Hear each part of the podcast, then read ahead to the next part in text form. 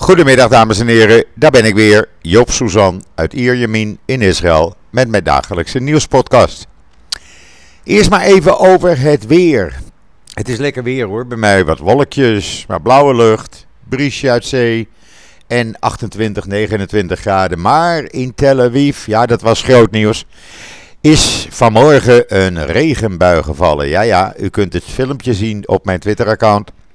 Het was weliswaar uh, een stuk of 40 druppels, maar er is regen gevallen. En dat is dan meteen uh, groot nieuws hier in Israël. Ja, u hoort misschien wat achtergrondgeluiden, maar ik heb de ramen erbij open. Want anders moet ik die airconditioning aanzetten en daar heb ik even geen zin in. En dan, ja, uh, gisteren begon dat op Twitter Opeens werd ik door allerlei mensen die tegen vaccineren zijn uitgemaakt voor leugenaar en fantast en niet te vertrouwen. En nou ja, eh, noem maar op, je kan het zo gek niet bedenken of ze hadden wel een woord voor mij. En waar ging het nou over? Het ging erover dat de uh, publicaties die wij, uh, of die ik doe op israelnieuws.nl over de coronacijfers in Israël niet kloppen. Het is allemaal niet waar. Het is veel erger dan uh, ik vermeld. Terwijl ik gebruik maak van de officiële cijfers van het ministerie van Volksgezondheid. Die notabene twee keer per dag worden vervest. Dus twee keer per dag zijn de laatste cijfers bekend. En je kan hier in Israël niets onder het tapijt schuiven. Alles is en komt in de openbaarheid. Maar deze mensen vonden het nodig om uh, mij dan maar uh, de schuld te geven dat ik allerlei verzinsels op social media neerzet en in de artikelen, want het klopt voor geen meter. Het aantal doden is drie keer hoger als dat ik opgeef. Het aantal zieken, dat zijn allemaal drie keer gevaccineerden.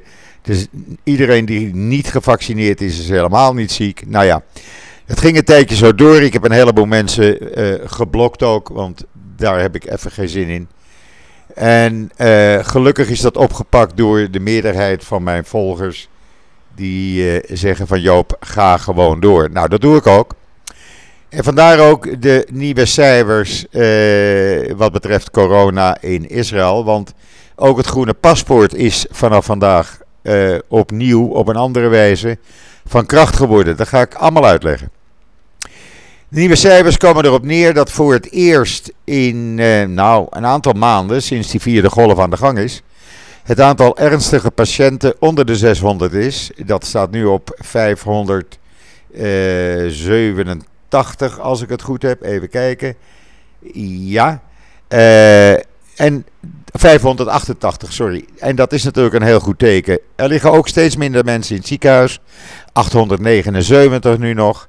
Eh, van die 588 ernstig zieken zijn er 205 die min of meer, 254 die min of meer als kritiek worden beschouwd. 205 van hen zijn aangesloten aan beademings- of hart-longmachines.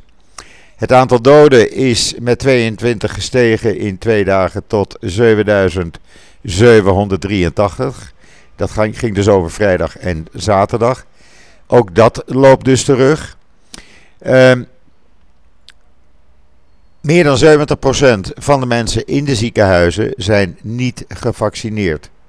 Vanmorgen was er een interview in, uh, op de, in de Hebreeuwse krant Ynet met professor Iran Sigal, een uh, computerbioloog van het Weizmann Instituut, een van de meest vooraanstaande in de wereld. En die gaf aan dat volgens de huidige berekeningen is, uh, zijn de 700.000 niet gevaccineerde Israëli's verantwoordelijk voor 70% van alle zieke uh, patiënten. En dat is natuurlijk nogal wat.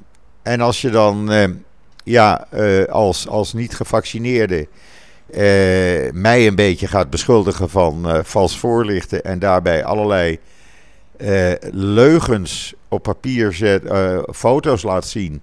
Waarbij gewoon dus het staatje wat ik elke avond of elke middag in het artikel zet over het aantal niet gevaccineerde zieken, gedeeltelijk gevaccineerde en volledig gevaccineerde, drie keer dus, per leeftijdsgroep. En dat uh, waarbij lichtblauw aangeeft niet gevaccineerd en zij daar maken uh, van lichtblauw, zeggen zij dan, die zijn allemaal gevaccineerd.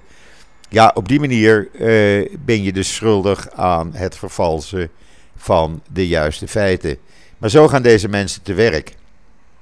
In ieder geval, uh, hier in Israël wordt daar minder drukte over gemaakt. Het is wel zo, vandaag is het nieuwe groene paspoort van kracht geworden. Dat betekent dat je je app moet updaten. Uh, nou, dat kon gelukkig. Ik heb het uh, vanmorgen gedaan en dat werkte prima. Alleen als je naar de website moest, dan crashte die. De website was overbelast en men heeft ook besloten om de ingang van het nieuwe groene paspoort met een paar dagen te verlengen. Het betekent dat het nieuwe groene paspoort nu uh, alleen geldt voor mensen die drie keer uh, zijn gevaccineerd met Pfizer. Je krijgt hem een week na je derde vaccinatie en is zes maanden geldig. Hij geldt ook voor mensen die twee keer met Pfizer zijn gevaccineerd. Vanaf nu. Of voor mensen die uh, twee keer met Moderna zijn gevaccineerd. Maar die krijgen dan twee weken na de Moderna-prik een uh, groen paspoort. Ook die blijft zes maanden geldig. En het geldt voor mensen die zijn hersteld van COVID-19 of mensen die werden gevaccineerd minder dan zes maanden geleden nadat ze hersteld waren van COVID. Tegelijkertijd heeft de politie aangekondigd dat ze uh, handhaving van het groene paspoort uh, op verschillende locaties in de steden met hoge besmettingspercentages zal gaan opvoeren. Uh, en het geldt ook, uh, die nieuwe regels, dat je, ja, als je naar bijvoorbeeld een culturele of sportief evenement wil, een voetbalwedstrijd, of een uh, optreden, naar conferenties, tentoonstellingen wil bezoeken. Uh, hotels, sportscholen, fitnessstudio's, zwembaden, countryclubs, synagoges, kerken, waar meer dan 50 mensen komen. Feest- en andere evenementenhallen, restaurants, cafés, bars, eetzalen, musea, bibliotheken, toeristische attracties, waaronder pretparken en universiteiten of andere plaatsen waar hoger onderwijs wordt gegeven. Zonder groen paspoort kom je daar niet in. Of je moet je laten testen voor eigen rekening. En dan uh, blijft dat testbewijs 72 uur geldig en dan kan je er wel in. Maar dat betekent dat je je twee, soms drie keer in de week moet testen. Dat het testen belangrijk is, dat uh, ervaarde ik vanmorgen. Want ik had vanavond zullen oppassen bij een van de kinderen. Die moesten naar een verjaardag. En eh, nou, of ik dan even wilde oppassen. Nou, natuurlijk doet Joop dat hartstikke leuk. Vier eh, kinderen tussen de 4 en 12. En toen kreeg ik vanmorgen een belletje dat een van de kinderen was gisteren bij een vriendje geweest. En daarvan bleek uh, dat vriendje dus besmet te zijn met COVID, kwam vanmorgen uit. En is dat jongetje dus nu ook in quarantaine en morgen is zijn test bekend.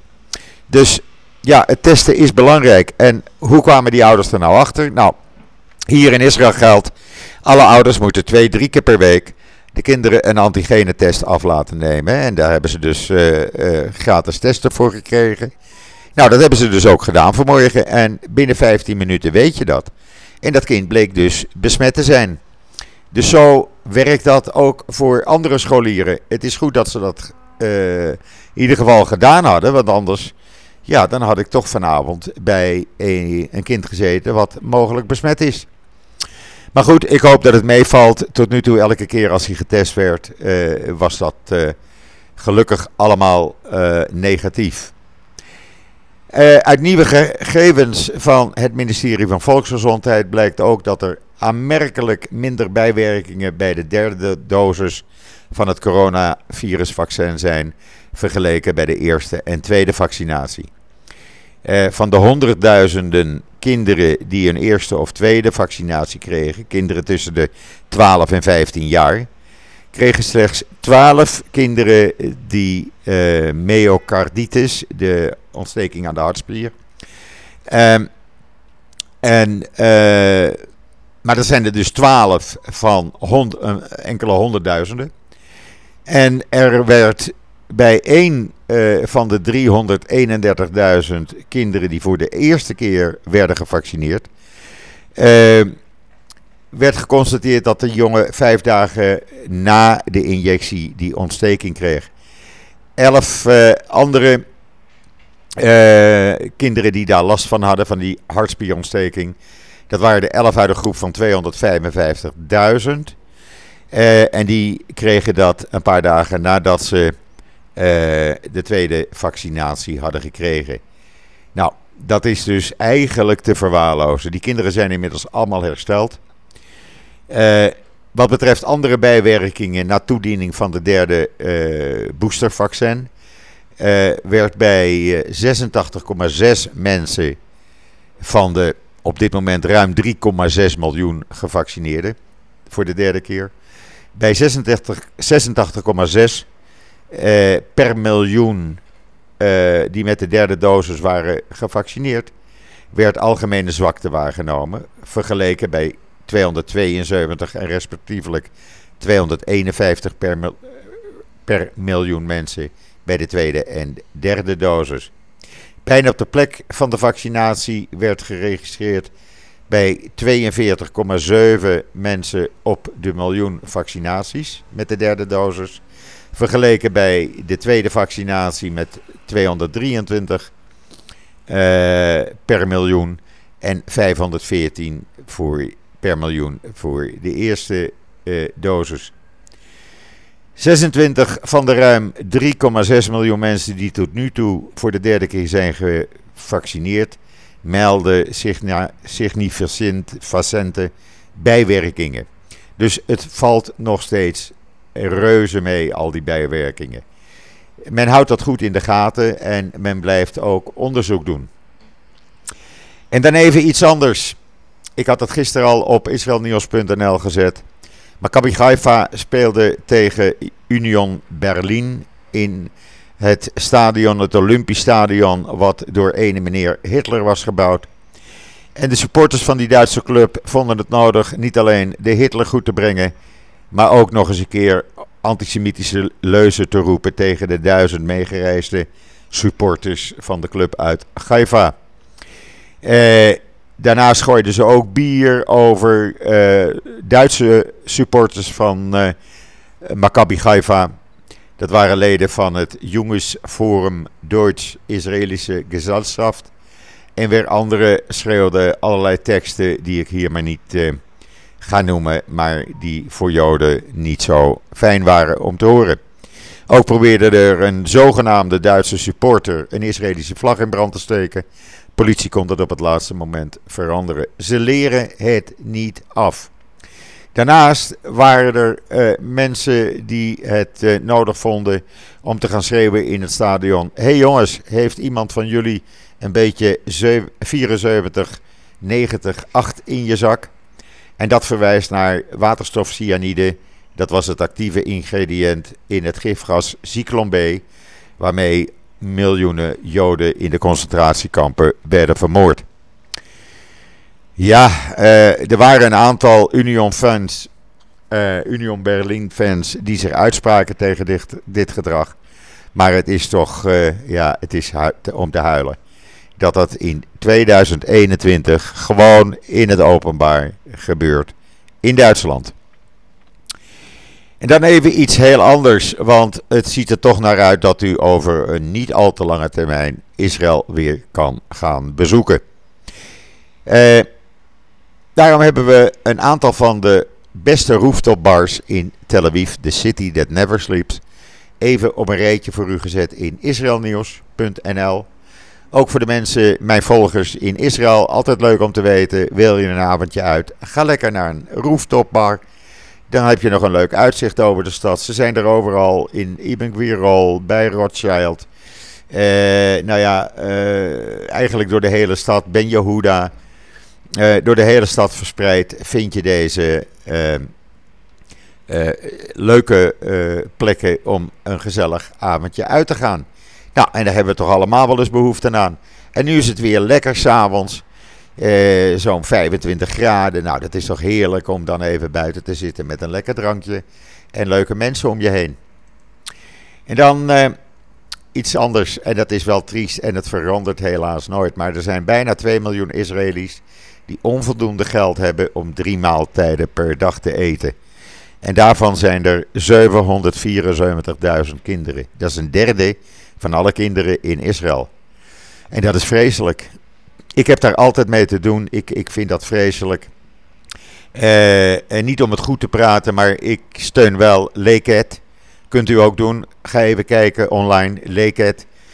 Dat is die, uh, ja, zeg maar, uh, de organisatie die zorgt dat mensen die geen voedsel kunnen kopen, toch elke dag eten hebben. En voor een paar shekel kan je al gezinnen één keer per dag laten eten. Een warme maaltijd. Uh, Leket, je spelt het L-E-K-E-T. En er is ook een andere organisatie, Latet. Uh, L-A-T-E-T, ook die doet hetzelfde. En kan ook gesteund worden. Uh, ja, helemaal door de Delta-virus. ja, mensen die ja, die hebben geen werk, zitten thuis, hebben geen inkomen. Uh, eh, 43% zegt we hebben voedselonzekerheid. Sinds de eerste golf, 41% zei sinds de tweede golf. 37% zegt sinds de derde golf. Ja, en dat is toch verschrikkelijk dat dat in deze tijd nog gebeurt. Ik hoop dat de, deze regering, zodra het budget is vastgesteld, daar uh, echt serieus naar gaat kijken. Want dit kan niet. Dit kan niet in een land als Israël. Um, natuurlijk, we hebben hier dat soort voedselbanken. Dat zeg ik. Dat zijn Leekheid en Latet die dat doen. En ook particulieren die initiatieven tonen. Maar ja, het is, ja ik vind het erg. Ik, ik kan daar gewoon niet tegen. En dan uh, even wat anders. De vanille in de uh, industrie die staat op het punt ontwricht te worden door een Israëlische start-up, Vanilla Vida. Een heel artikel op uh, israelnieuws.nl. En hoe ze dat dan doen? Nou, gewoon, het zal, uh, zullen geen Israëli's zijn. Ze hebben geavanceerde technologie uitgevonden. En ze hebben oplossingen gevonden om de smaakprofielen te verbeteren en het stimuleren van de productie. Ja, uh, waar een klein land groot in is, zullen we maar zeggen. Uh, lees het op israelnieuws.nl. Er zit ook een video bij waarin het uitgelegd wordt. Ja, dat brengt me weer zo'n beetje bij het einde van deze eerste podcast van de nieuwe week alweer. De eerste week van oktober. Vanavond lekker een soort studio sport kijken. ik had het al eerder gezegd, ze doen hier op zondagavond, maandagavond alle competities van veel Europese landen, waaronder Nederland. En dan krijg je een soort studiosport waarin je gewoon samenvattingen van een aantal wedstrijden krijgt. En uh, ja, ik heb niet gekeken of Ajax Utrecht wordt uitgezonden live. Maar dat zou best kunnen. Dan moet ik nog even nachecken.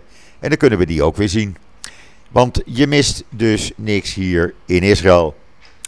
Het land waar uh, ja, op dit moment bij mij in de straat, want zo gaat dat en dan zult u denken, goh wat ouderwets.